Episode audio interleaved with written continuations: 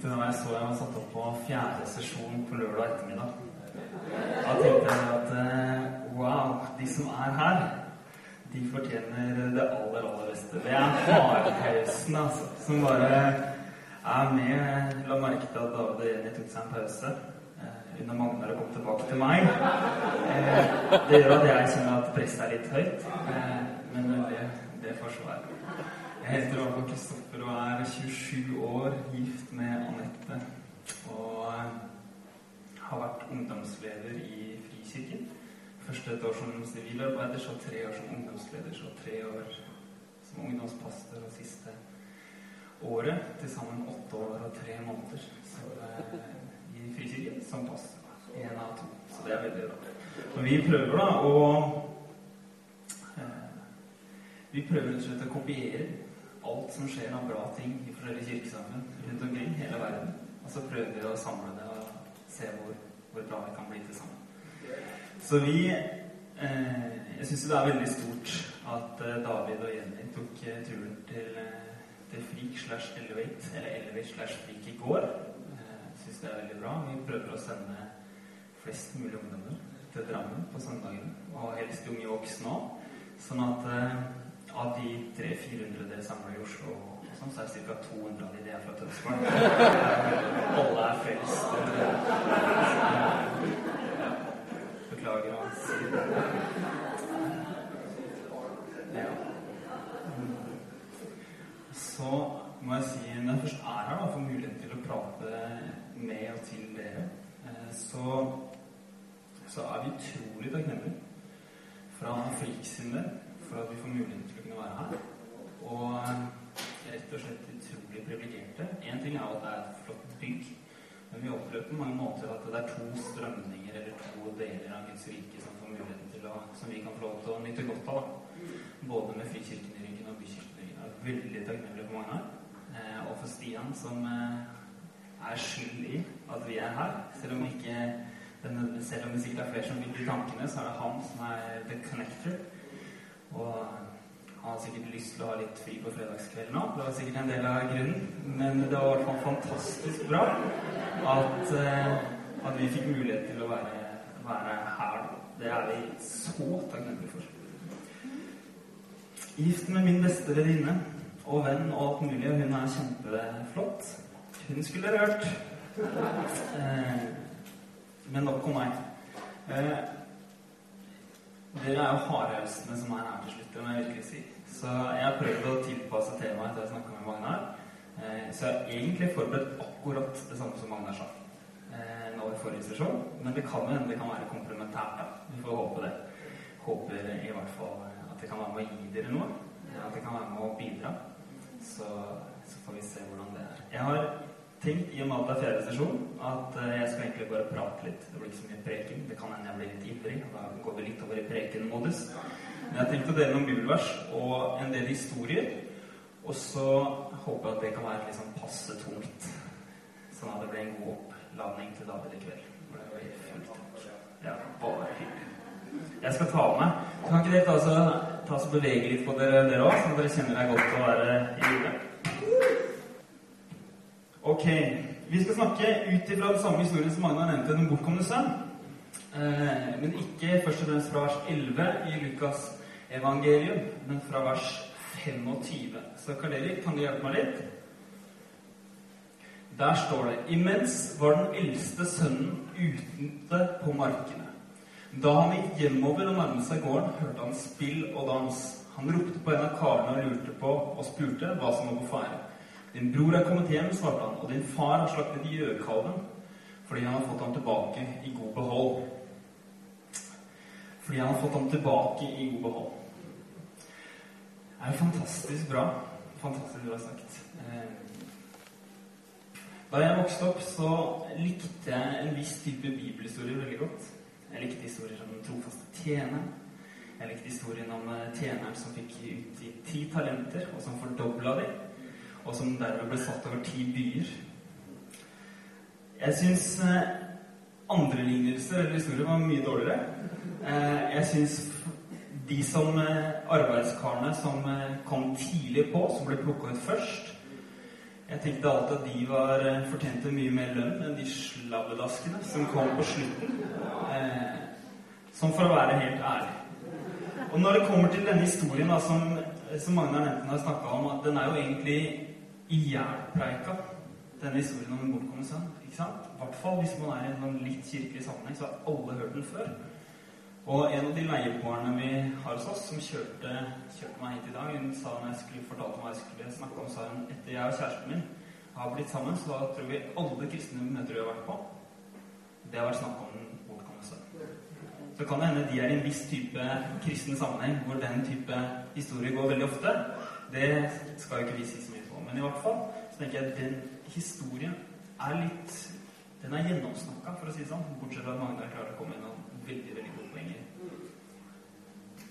Mitt problem er at jeg alltid har kjent meg mer igjen med han som var hjemme, enn han som var bortkommen. Så det lyst til å snakke litt med dere om, det var den hjemmeværende sønn.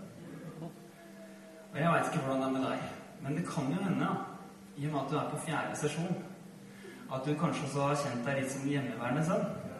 At du kanskje er mer kjent med det å ha gjort alle de riktige tingene opp igjennom. Å ha sunget de riktige kristne sangene, ha vært på de riktige kristne møtene, ha stått på og vaska de riktige kristne borda når du har hatt kafétjeneste osv. osv. Du har gjort greia og vært til stede og vært trofast og vært flink. da. Og jeg kjenner det er liksom noe i det jeg møter en sånn bibelhistorie som jeg tenker at Makan det urettferdig. Og det er lett, som Magnus sier, at hjertet vårt bare blir kynisk. Eller om ikke kynisk, så i hvert fall en smule kritisk i møte med den rausheten og nåden som på mange måter er det som selvfølgelig drar oss inn til Gud, men som samtidig også av og til er nesten tenderer til å være skandaløs. Jeg hadde lyst til å spørre dere, jeg ble så inspirert av David i går, kan dere lukke øynene? Eh, og så hadde lyst til å spørre sånn at jeg er helt på villspor. Men jeg hadde lyst til å spørre om eh, hvem av dere som kjenner dere Om det er noen her som kjenner dere mest igjen i den bortkomne sønn. Kan ikke du oss og reise opp et hånd? Og dere som kjenner dere igjen i den mest, mest igjen i hjemmeværende, kan ikke dere hånda? Da kan dere ta ned og åpne øynene. Det var sånn cirka var kanskje tre-fire som kjente seg mest igjen som en bortkomne. Stort sett resten kjente seg igjen som hjemmeværende. Det er jo en utfordring i møte med at vi skal bygge en kirke hvor folk som ikke er så vant til å gå i kirka, men som er våre venner, skal trives. Fordi hva er det som skjer med hjertet vårt i det vi er mer i, kjenner oss mer igjen i den hjemmeværende enn den bortkomne? Det er en del, det er en del ting. Altså. Um, jeg tenkte også at vi kunne gå videre og lese Galaterne kapittel 4, vers 1 til og med 7, hvor det står om arvingen og hvordan det er å være myndig. Litt kontekst og litt historie først. I norsk tradisjon så får man ofte utbetalt arven når far går bort, eller når mor, når mor går bort. I jødisk tradisjon så var det sånn at arven og myndigheten ble overført ikke nødvendigvis når far døde, men når far mente at sønnen var klar til å overta eller arbeide med lik myndighet som faren. Det betyr at når vi forstår arv som noe vi får når foreldrene våre dør, så blir det en helt annen tradisjon i forhold til den jødiske når, den, når muligheten der var at man kunne jobbe sammen som far og sønn, som likeverdig og med symmetri i relasjonen, en gjensidighet, fra ungkar kanskje var 25 år, til far døde en rekke år senere. Så når vi leser denne historien, så er det med den konteksten, og det er også med den konteksten at vi må huske på den bortkomne og ikke minst den hjemmeværende sønn. La meg forklare dette. Så lenge en arving er umyndig, står han likt med en slave, enn han eier alt. Så lenge en arving er umyndig, står han likt med en slave, enda han eier alt. Hvis vi tar for oss det som Magnar sa i hva er det det innebærer? Jo, det innebærer at vi veit hvor hjemmet vårt er. Vi kan vite hvor festen vår er, men likevel så vil det være en distanse fordi vi har ikke forstått. Ikke sant? At sånn det var hvis vi hadde gått tilbake og lest en gang til, eh, så sier altså den, så sier faren til den hjemmeværende sønn sier han at Men har du ikke forstått arven min? alt mitt er ditt. Alt mitt er ditt. Og Det er på mange måter det som sier, og som jeg tror veldig mange i norsk kristenhet, da, som er på en måte litt sånn snillisme-kristenhet, hvis vi skal være helt ærlige, opptatt helt snill og grei, og ellers bør man ikke gjøre som man vil, da, bortsett fra det. Men det er litt sånn at vi, vi gjør de riktige tingene, men har vi egentlig helt forstått hva vi har fått? Og i hvilken grad vi har forstått det, vil også innebære hvilken grad vi kan trå inn i det og erfare dette livet, som Magnar nevnte. Han står under formyndere og forvaltere helt til den tiden da hans far har fastsatt. Slik er det også med oss. Da vi var umyndige, var vi slaver under grunnkreften i verden. Men i tidens fylde sendte Gud sin sønn, født av en kvinne og født under loven. Hvorfor? Jo, fordi han skulle kjøpe fri dem som sto under loven, så vi kunne få retten til å være Guds barn. Og fordi dere er barn, har Gud sendt sin sønns ånd inn i våre hjerter, og ånden roper 'Abba, far'. Derfor er du ikke lenger slave, men sønn. Er du sønn, er du også arving innsatt av Gud.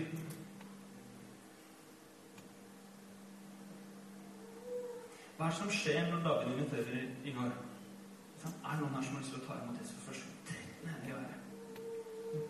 Mange har flyr etterpå. Jeg kan ikke huske sist jeg en menighetssetting hvor 13 mennesker tok imot Jesus på ett møte. Hvor de har gått fra å bli slave til å bli sønn. Og jeg tenker veldig mange av oss har tatt den reisen, bevisst eller ubevisst. Vi har gått fra å være slave til å bli sønner. Men så har vi kanskje ikke tatt den siste delen, at vi faktisk har flytta inn, og at fars hus er blitt vårt. At alt mitt, at alt hans er blitt mitt. Og så har vi gått fra sønn til slave, men ikke nødvendigvis fra sønn til arving. Innsatt av Gud. Og utfordringen her, folkens, at hvis vi ikke tar steget fra sønn til å bli arving, så innebærer det at alle personer som vil komme inn i vår kontekst, og som vil bli velsigna av far, hvis vi fortsatt har en mentalitet som en sønn, i hvert fall en som er hjemmeværende, og som ikke har den rausheten i bånn, så vil det innebære at ikke vi møter dem med den rausheten og med det fostringen som er nødvendig for å kunne inkludere dem på en god måte. Hva er det som gjør noen til foreldre? Anette, vi venter barn i september. Nei, unnskyld, desember. Takk Gud. Vår første Foreløpig syns jeg småbarnsperioden går veldig bra. Jeg, så jeg skjønner egentlig ikke hva alle klager over.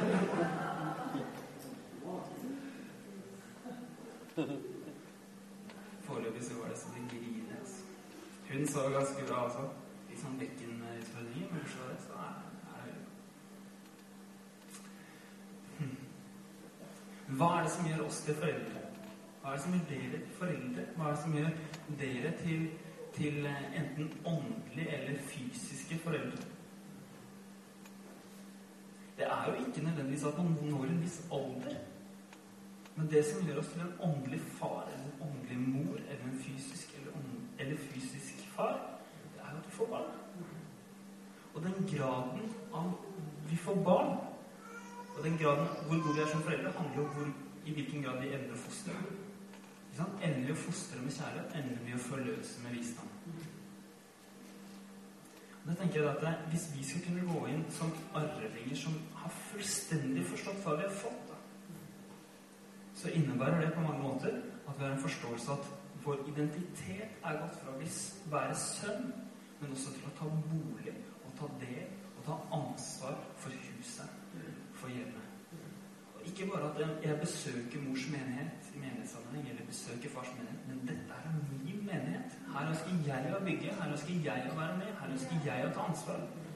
Og Vi sier det til ungdommene at det, det er greit å få et barneopplegg som er tilpassa dine behov. Det er greit å få et ungdomsarbeid, et between-arbeid, som er tilpassa dine behov.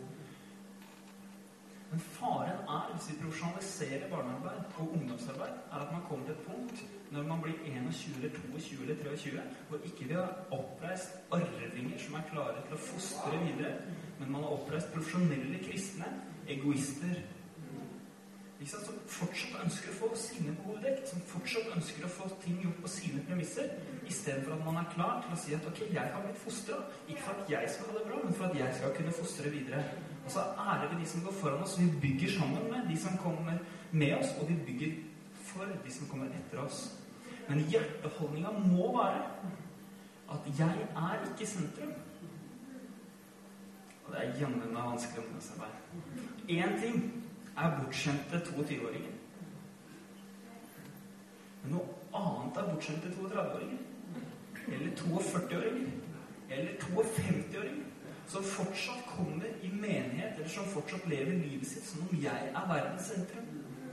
Beklager. Historien har allerede en superstjerne. Han heter ikke Kristoffer Stokke. Han heter Jesus Kristus. Det var et før, og det var et etter, og videre så er jeg støv. Og det er skikkelig bra støv, for i lyset så reflekterer man, og man ligner på noe helt annet. Men holdningen, overgivelsen og bevisstheten må være at han er Gud, at vi er ikke, og at vi har vår del i historien. Men at perspektivene våre lever, lever for noen som kommer etter. Det veldig bra sagt, Kristoffer. Jeg synes jeg det fortjener en applaus. Det er spontant. Takk skal du ha. Jeg ble så ivrig her, vet du.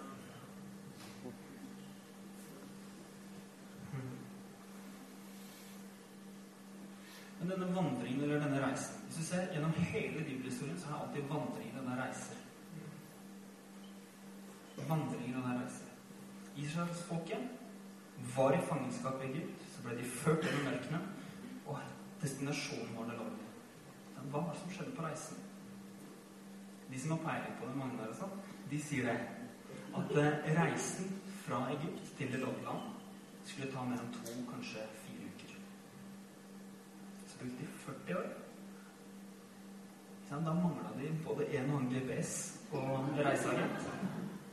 40 år. Hvorfor? Jeg tror at grunnen til de måtte bygge, bruke 40 år i ørkenen, var at ikke de bare skulle inn i det lovlige land, men de måtte få Egypt ut av seg i prosessen. Hva lærte man i Egypt? Jo, man lærte underordning og underkastelse. Man lærte fangenskap, og man lærte lydighet. I ørkenen var det israelsfolket lærte. De lærte overgivelse, og de lærte eh, forsørgelse. At de fikk alle sine behov møtt. Så De lærte at Gud var Gud, og at de ikke var det. Dessverre så måtte de lære et par ganger. Men hensikten med denne reisen var aldri at det skulle bli værende ved forsørgelse av noen andre. Eller kun ved overgivelse. Hensikten var alltid at de skulle inn i det lovede land, hvor de skulle lære forvalterskap, hvor de skulle lære å bli arvinger, eller kunne være med å gi. Det var en bonde som fikk besøk av en prest. Og presten kan ikke så mye om gårdsdrift, eller så mye annet som er viktig. Eh, og denne åkeren til bonden var fantastisk. Så fin. Og så kom presten og sa 'wow'. Han sa kanskje ikke 'wow', men han sa 'oi, dette var flott'. Gud må ha velsigna deg mye. Og så smilte bonden og så sa han med glimt i øyet Ja, det er helt sant. Gud skal ha all ære for at han gjorde bare det han kan gjøre. Men du skulle sett hvordan det så ut her da han holdt på aleine.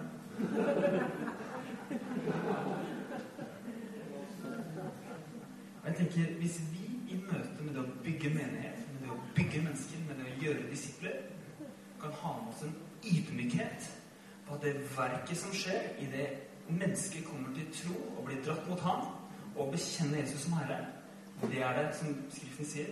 Ingen kan komme til eller ingen kan kalle Jesus Herre uten Den hellige ånd. Ikke sant? Så Gud er Gud, og vi er ikke. Samtidig så tenker jeg vi har et medansvar i det at vi skal være med å bygge noe, forme noe, gi noe videre. Ikke sant? Kan vi klare å få med oss dette perspektivet her? At som forvaltere, som arvinger, som en del av en lengre historie, så blir vårt oppdrag som den hjemmeværende, som den trofaste, ekstremt verdifullt. Fordi det settes inn i en kontekst hvor Gud gjør det han kan.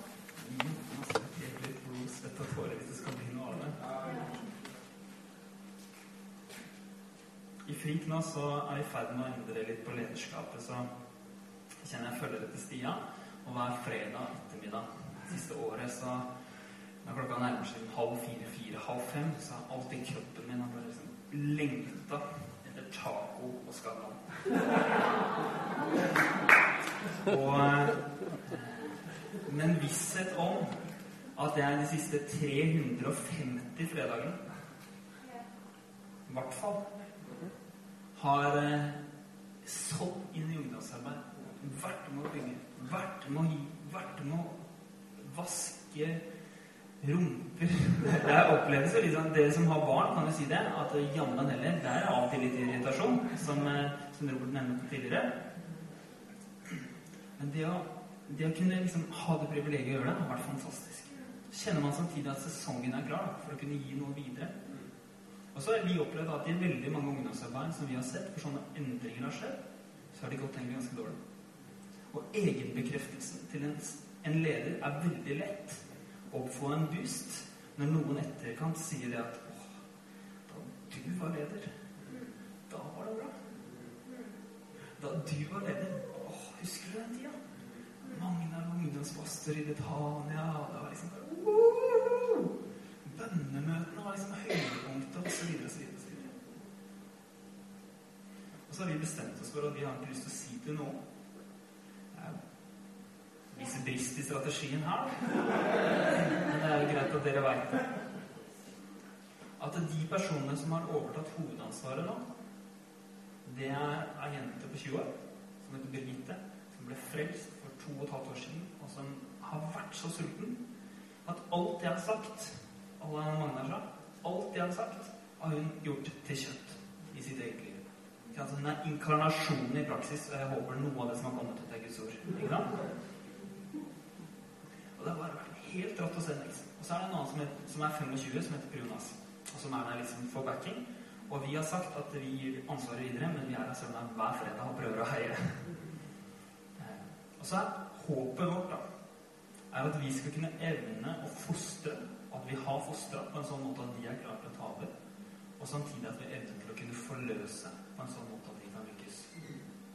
Da har det vært viktig for oss at om et halvår så håper jeg noen kommer og sier at eh, når de skal planlegge Det skjer ikke om et halvår, om en måned eller to. Når de skal planlegge hvem som skal tale på kickoffen etter jul ikke sant? Det er viktig dato. Skal de sette retning Så håper jeg de kommer til å si det at Kristoffer, eh, du pleier å gjøre det, men jeg tror egentlig ikke vi trenger deg denne gangen her. Fordi Birgitte, når hun taler, så skjer det noe i ungdommene. Henger dere med? Hva er det da som gir meg en egenbekreftelse? Er det det å høre det som bare Jeg er verdens beste leder. Jeg sier det ikke til noen, men inni her så skal jeg suge på den karamellen lenge. Eller er det det ja, Vår grad av åndelig og menneskelig modenhet måles ikke i hvilken grad vi lykkes, men i hvilken grad vi evner å fostre noen som kunne ta ting videre. Og som hjemmeværende, i og med at det er det 90 av oss kjenner oss igjen i, så må vi vokte hjertet vårt. For hva er det festen innebærer? Hva er det egenbekreftelsen innebærer? Hva er det som gir vår tjeneste, eller vårt liv, eller vårt foreldreskap en mening? Det er å se unge mennesker, eller de som vi har fostra, lykkes i neste generasjon.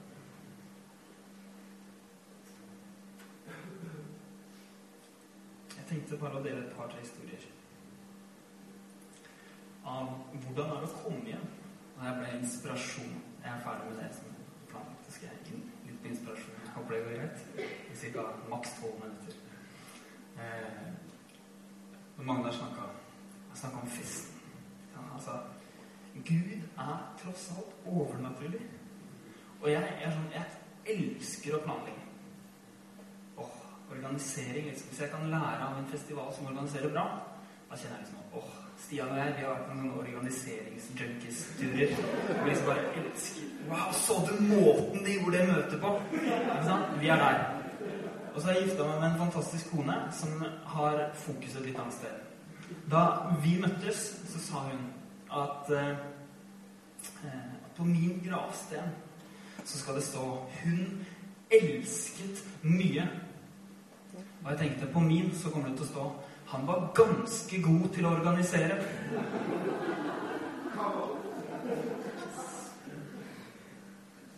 Voff, som da ville sett. Men så er det liksom som Magnar sier, hva er det som er sentrum? Hva er det jeg har lyst til å huskes for? Hva er det som er kjernen? Så når er det møtet går fra å være Yes, i dag var det en god gudstjeneste til Wow, i dag var han her. Nå på fredag, bare for en uke siden, så du leda lovsang. Eh, relativt, relativt greit. Hei, velkommen. En liten icebreaker og en lek. Tre-fire lovsanger. Tale 30 minutter. Ettermøte. Ettermøte, ettermøte. I hvert fall invitasjon til forbønn. Og så har det her skjedd et par, tre, fire ganger siste halvåret. Når lovsangen er ferdig, møtene er sagt nå er det på tide at vi går ut i kafeen, så blir det helt stille i lokalet. Den fredagen var det kanskje sånn 170 ungdommer her. Helt stille og lokale. Ett minutt, to minutter, fem minutter, ti minutter. Helt stille. Ungdommene vil ikke gå. Så etter en liten stund så begynner det et refreng å synge. Gud er fantastisk. Jeg husker ikke teksten. Så det begynner han Apropos bølgene. bølger fant og tilbake.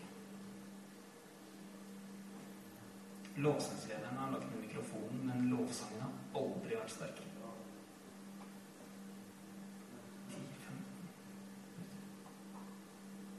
Unge mennesker merker at her er det noe mer. Ikke på en konferanse i Amerika, men her i bykirken er det noe som skjer. Vi merker at noen er her. Og jeg misliker så sterkt liksom pastoren sier at ja, nå er Gud her, dere. Er kjempefint for deg, men jeg kjenner ingenting. Men da var det liksom Ok, jeg merker et eller annet, men jeg ser på noen rundt meg at her er det et eller annet. Det er en andektighet, det er en verdighet, og det er en klarhet. Fordi Gud Fordi Gud kom inn i rommet. Så blir det på mange måter Hva er det som skjer? Aner ikke. Relativt ordna former, takk. Men noen opplevelser, noen erfaringer som man merker at det er noe mer. Festen er her. Og selv om det pleier å være vanskelig å kombinere fest og stillhet, så er det selv, sjelden sett ungdommer som har vært mer oppspilt i etterkant fordi noe skjedde her. Et par år siden så var jeg i Trondheim Impuls lederdager som jeg har fått gleden av å undervise på noen ganger. Mandags kveldsmøte. Første, siste det møtet hvor man helst håper Gud kommer og gjør noe. Og fra første akkord så er det noe som skjer. Kommer. Gud er det? altså. Er det noe som skjer? Jeg tenker Vi er i Trondheim frikirke. Det skal liksom ikke skje her. Det var ment som en selvironisk spøk, men det slo ikke helt an. Det blir bare kleint når det lever måten. Så går det en halvtime, og jeg tenker ok, de heldige tre lovsangere er ferdige. Nå vi videre, og jeg skal undervise snart. Det er det jeg har tenkt. Og så er det bare noe som skjer. For vi merker at Gud var her. Jeg bare Den time så spør du kjære Gud, vær snill, ikke la meg ødelegge det her. Det en halvtime til. Og hele rommet så fullstendig engasjement og begeistring. Du klarer ikke å peppe deg selv, uansett hvor flink man er til å inspirere. Og etter en time så opplever jeg liksom For en innskytelse. Lurer på om skal åpne for at noen kan komme kunnskapsord for det profetiske. Skriv ned i journalen min. Det er dagbok på veldig mannlig, mandisk. På en der på så av han at jeg tror vi skal åpne for det profetiske. Så eksploderer det rommet. Snakka med ei jente som sier Spør Gud hva han sier. Går fram og deler. Jeg tror det er noen Jeg mener det var noen med hørsel som skal få lov å høre. Så jeg som rekker opp hånda. Noen av dem går rundt. Det skjer ting over hele rommet. Så ber vi. Helt enkelt. Det er ungdomsledere som prøver sitt beste på å organisere, men nå er det noe som skjer her. Så vi får bare kaste oss på. Så ber vi. Ung jente, 20 år, har hatt ikke hørt på høyre øre i 18 år. Står de rundt henne. Hun ber Hvis hun første gang på 18 år så hører hun det. Ja, Gud gjør det. Så tenker jeg at jeg har vært på så mange bra møter.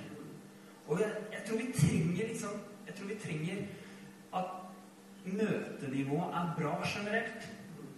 Men vi trenger jammen noen av de derre Ok, husker du tilbake på den kvelden? Og så skjedde året etterpå. Sånn? Da skulle jeg tale igjen. Året før så hadde de sagt etter, da, etter to timer så hadde de bestemt seg Ok, vi tar en kaffepause med litt sånn kjeks og kaker og sånn, så kan du prate etterpå. Pausen som var det som kom til meg. Lykke til. En annen sa dette kommer til å bli et antiklimaks. Tusen takk for det oppmuntrende profetiske ordet. Merker du ikke at Gud er her? At profetiske ord var til oppbyggelse, rettmaning, formaning og trøst? Ikke til depresjon og andre ting. Så taler jeg den kvelden. Ett år seinere så er forventningene er liksom der. Hva Gud, hva gjør du nå? Det er jo faren, da. er at Vi gjør akkurat samme som vi gjorde året før fordi vi har lyst til å få samme resultater. Vi prøver å slå på denne Nå bruker jeg masse sånne åndelige bilder som alle hjemmeværende sønner og døtre kjenner seg veldig igjen i. Vi har lest hele historien. Vi, vi kan, kan uten at du har sett filmen. Many nights we pray. Dere kjenner historien? Så vi slår en gang til. Vi bestemmer oss det har vi lest i boka. Det funker ikke. Så vi gjør noe annet.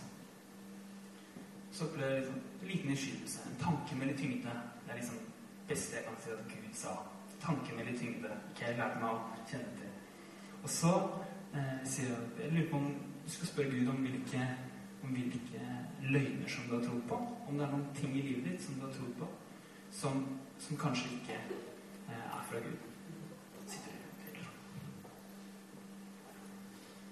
Og så skal vi invitere videre til å si ok, jeg har lyst til å si at jeg har trodd på den løgnen. De fleste får en tanke i hodet. Eh, og så spør vi ok Kan ikke du spørre Gud hva er sannheten? Får eller eller noe til og med ser et bilde. Så karismatisk er det blitt. Så inviterer vi til å komme fram på sida etterpå. Bort på sida og si ok, hva er det skal du si til noen hva var det som sannheten var. Det er en fin sånn her kristen øvelse i liksom Håper dette går bra åndelighet. Så kommer det et ungt par. Eller ungt ung. Det kommer et par til meg. Vet Og så sier de eh, Jeg har trodd at ikke jeg kan få barn. Og jeg tenker ok, jeg har no mates, no dates and no babies. Hvis du liksom skal prøve å bevege deg inn på det som har med, med å høre Guds stemme å gjøre. Det er greit. Ikke noe kjæresterier, ikke noe datoer, ikke noe barn. Jeg kan liksom holde unna det, så har vi i hvert fall rydda under 80% av utfordringer som kommer med det profetiske, eller i hvert fall å prøve å lytte til Guds stemme. Og så kommer de bra. Så kommer de til oss og sier det. Kjære Gud, vær så. Og så spør jeg hva er sannheten. Jeg er fruktbar, sier hun. Tårer i øya. Mamma sa. Jeg håper det stemmer, tenkte jeg. Så ber vi sammen og prøver å virke sterk og masse tro. Ja, krampaktig tro. Det er ikke mye som er så kjipt som krampaktig tro. Dette går bra. Men samtidig er det en atmosfære at Gud har gjort det. Ja, sånn at man merker at oi, vi husker på hva han har gjort, sånn at vi kan stå posisjonert for å kunne fortsatt erfare hva, hva han ønsker å gjøre. Så ett år senere, nå i, nå i Ja, nå i januar, så er det der. Og så eh, kommer det da Jeg står bakerst i salen og har ikke blitt invitert til å ta tilbake. Jeg skjønner ikke hva som skjer, men jeg er der på studier. Det var en spøk. Dere. Ja, takk skal du ha. Alle talerne skjønte det. Ja, vi ler, av men vi skjønner hva han mener. Og så sier hun 'Kom her, kom her'. Eller først sier hun 'Husker du meg?' Jeg husker deg. Så tar hun meg ut i gangen, og der står det en barnevogn. Og jeg tenker 'Kjære Gud, jeg håper det er noe i den barnevogna'. Hvis ikke så hadde de tatt det litt langt, ikke sant? Du er enig i det? Ja. Så leder de meg bort til barnevogna. Og så eh, Og så løft, nei, så løfter hun av og viser, sier 'Dette er Jonathan'. Det betyr 'sendt av Gud', gave fra Gud. Så sier hun 'Den kvelden som dere ba for oss, det var siste kvelden jeg hadde mensen'. Og jeg tenkte Too much information.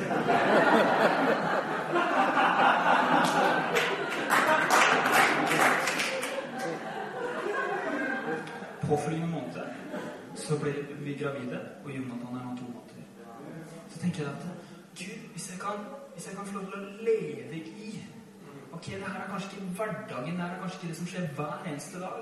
Det er kanskje godt. Det har vært utrolig slitsomt med en lang kø av masse damer som har lyst til å bli gravide utenfor døra. Liksom, Gravidekspressen Det er jo en måte å tjene mer penger på, kanskje, hvis man har gaven. Men for ikke å få fullt livet, så ja. Det er greit at ikke det blir det vanlige. Hvis vi kan få lov å smake noe mer av det her og at ikke det bare skal bli et høydepunkt en gang iblant, men at det skal bli et liv som vi lever. Ikke sant? Hvor festen er Hvor festen er standard. Som Magnar sa. Ikke, ikke nødvendigvis at det skal være liksom hæla i taket hver uke. Ikke sant? Det blir litt slitsomt å dra på YouTube-konsert hver søndag. Men hvor man samtidig merker at det er noe tilgjengelig som gjør at vi er ikke bare en 4H som er dødsbra til å organisere en speiderforening som er så flinke til rekruttering, men hvor Gud bor, og hvor mennesker disippelgjøres og inkluderes i et fellesskap som regner med Gud. Mm.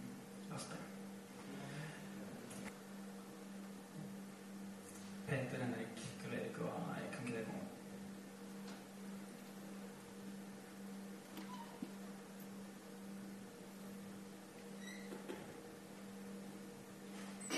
Jeg har lyst til at dere skal be over disse. Ok?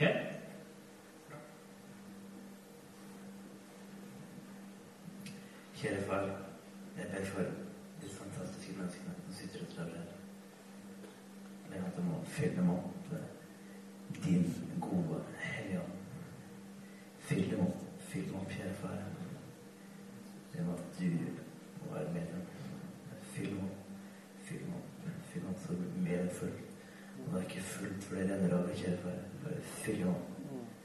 Kjære far, Vi du må legge en ny frisk over dem. Ny kjærlighet. Kjære far, at du må komme til dem. Med din hellige ånd, vær med dem, kjære far. Disse fantastiske menneskene, vær med dem. Jeg bruker tida si her i dag for å høre hva du har å si til dem. Ber at du da må legge det du vil. Legg ned dem, kjære far. Om at du må være med dem, selv for at De er sterke i troen. Men du må styrke dem mer. Kjære far, ta ham til deg. Så jeg jeg ber om at du skal komme med din forfriskende ånd. Så skal eh, og fylle dem opp med din hellige ånd. Og eh, hjelpe dem til å gå ut til mennesker.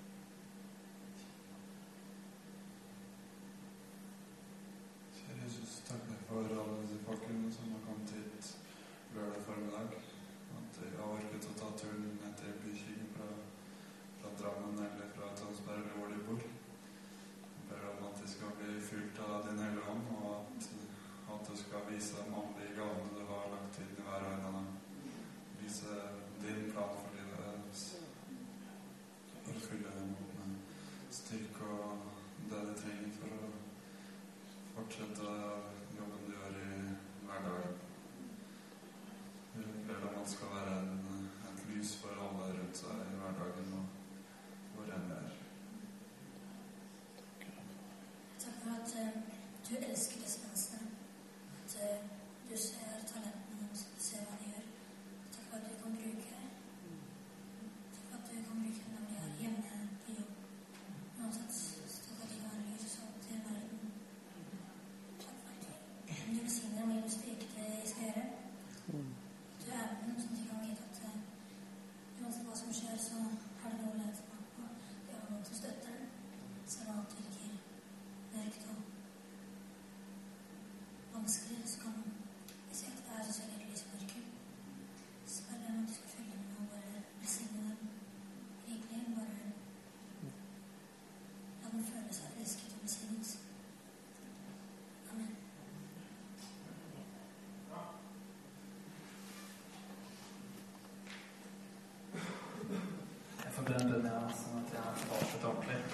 himmelske Far, jeg ber deg om at eh, det blir mer enn ord.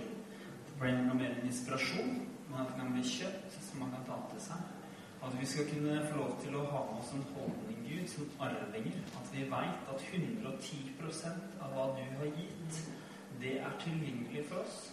Og at ikke vi trenger å låne det bare, men at du ønsker modne mennesker som du, som, som veit hva som er viktig for deg, og som lever med en bevissthet som gjør at du kan stole på dem, og ikke bare kalle dem tjenere, men å kalle dem venner, og kalle dem arvinger, og kalle dem medarbeidere. For jeg takker deg for at den samme, samme eh, påvirkning på deg som var tilgjengelig for Moses, den også ligger der som en mulighet i den grad vi er bevisst på lydighet, er bevisst på overgivelse, er bevisst på forsørgelse, at vi vet at du er Gud og vi er ikke, men samtidig, Gud, at vi har fått en smak. Det som er tilgjengelig hos deg, det er, det er verdt å, å leve med. og det er verdt for. Jeg vil at masse mennesker skal kunne få lov til å eh, komme til tro på deg for første gang og bli disippelgjort til å ligne mer likt deg.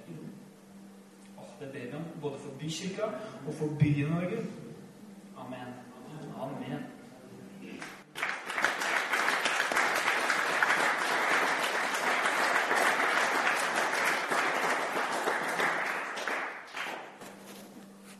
Og når jeg er våt i fordi at eh,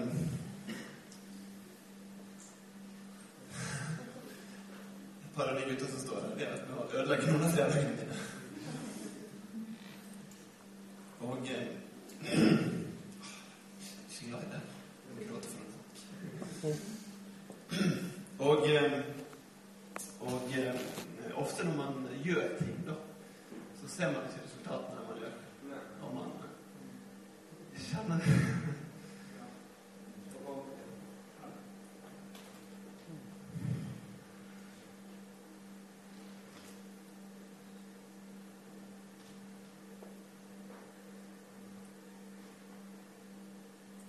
Man kjenner at det ikke var vellykket.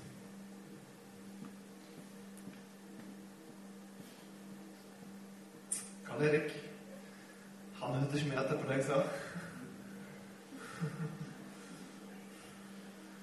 Jeg tror ikke han ringer på det her.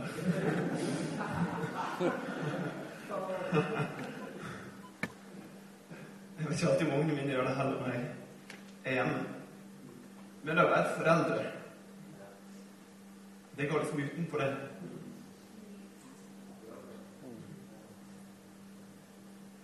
Det handler ikke om min dyktighet i det hele tatt. Men det handler om at hva et oppdrag og hva et ansvar er. Og det handler om noe mer enn om å se resultatene der og da. Når vi sår et så frø i jorden, så tar det litt tid før det kommer opp og det bærer frukter. sant? Yes. Jeg må bare forklare når jeg gråter, for jeg liker egentlig ikke det. Jeg synes dette har vært en meningsfull dag å tilbringe på Bykirken. Og eh, Ja, det var det. og eh, dette er veldig bra. Jeg håper du tar dette med deg eh, hjem, og så grunner du på det. vet du. Maria det står der med, vet eh, hun hadde fått besøk av engelen Gabriel, så tok hun det med seg, så grunnet hun på det. Det ordet hun hadde fått fra Gud. Og det tror jeg vi skal gjøre. Bare ta det med oss hjem og så grunne på det. Hva betyr dette for livene våre? Når Gud taler til oss, opplever at Gud har talt gjennom Kristoffer og Magnar og David i dag. Da tar det med deg og grunn, og la det få god jord å vokse. Fordi at eh, det første først da det får sprengkraft, ikke sant? Når vi tar det videre, tar det med oss. Det ikke blir inni dette huset. Vi tar det med oss. Takk, Herre, for at du er til stede, at du kommer når vi henvender oss til deg. Du vender oss aldri ryggen. Vi får lov til å bare møte en som står der og.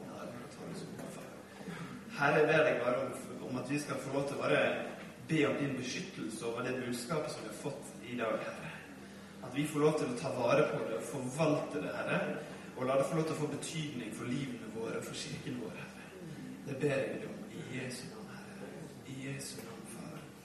Og alle sa amen.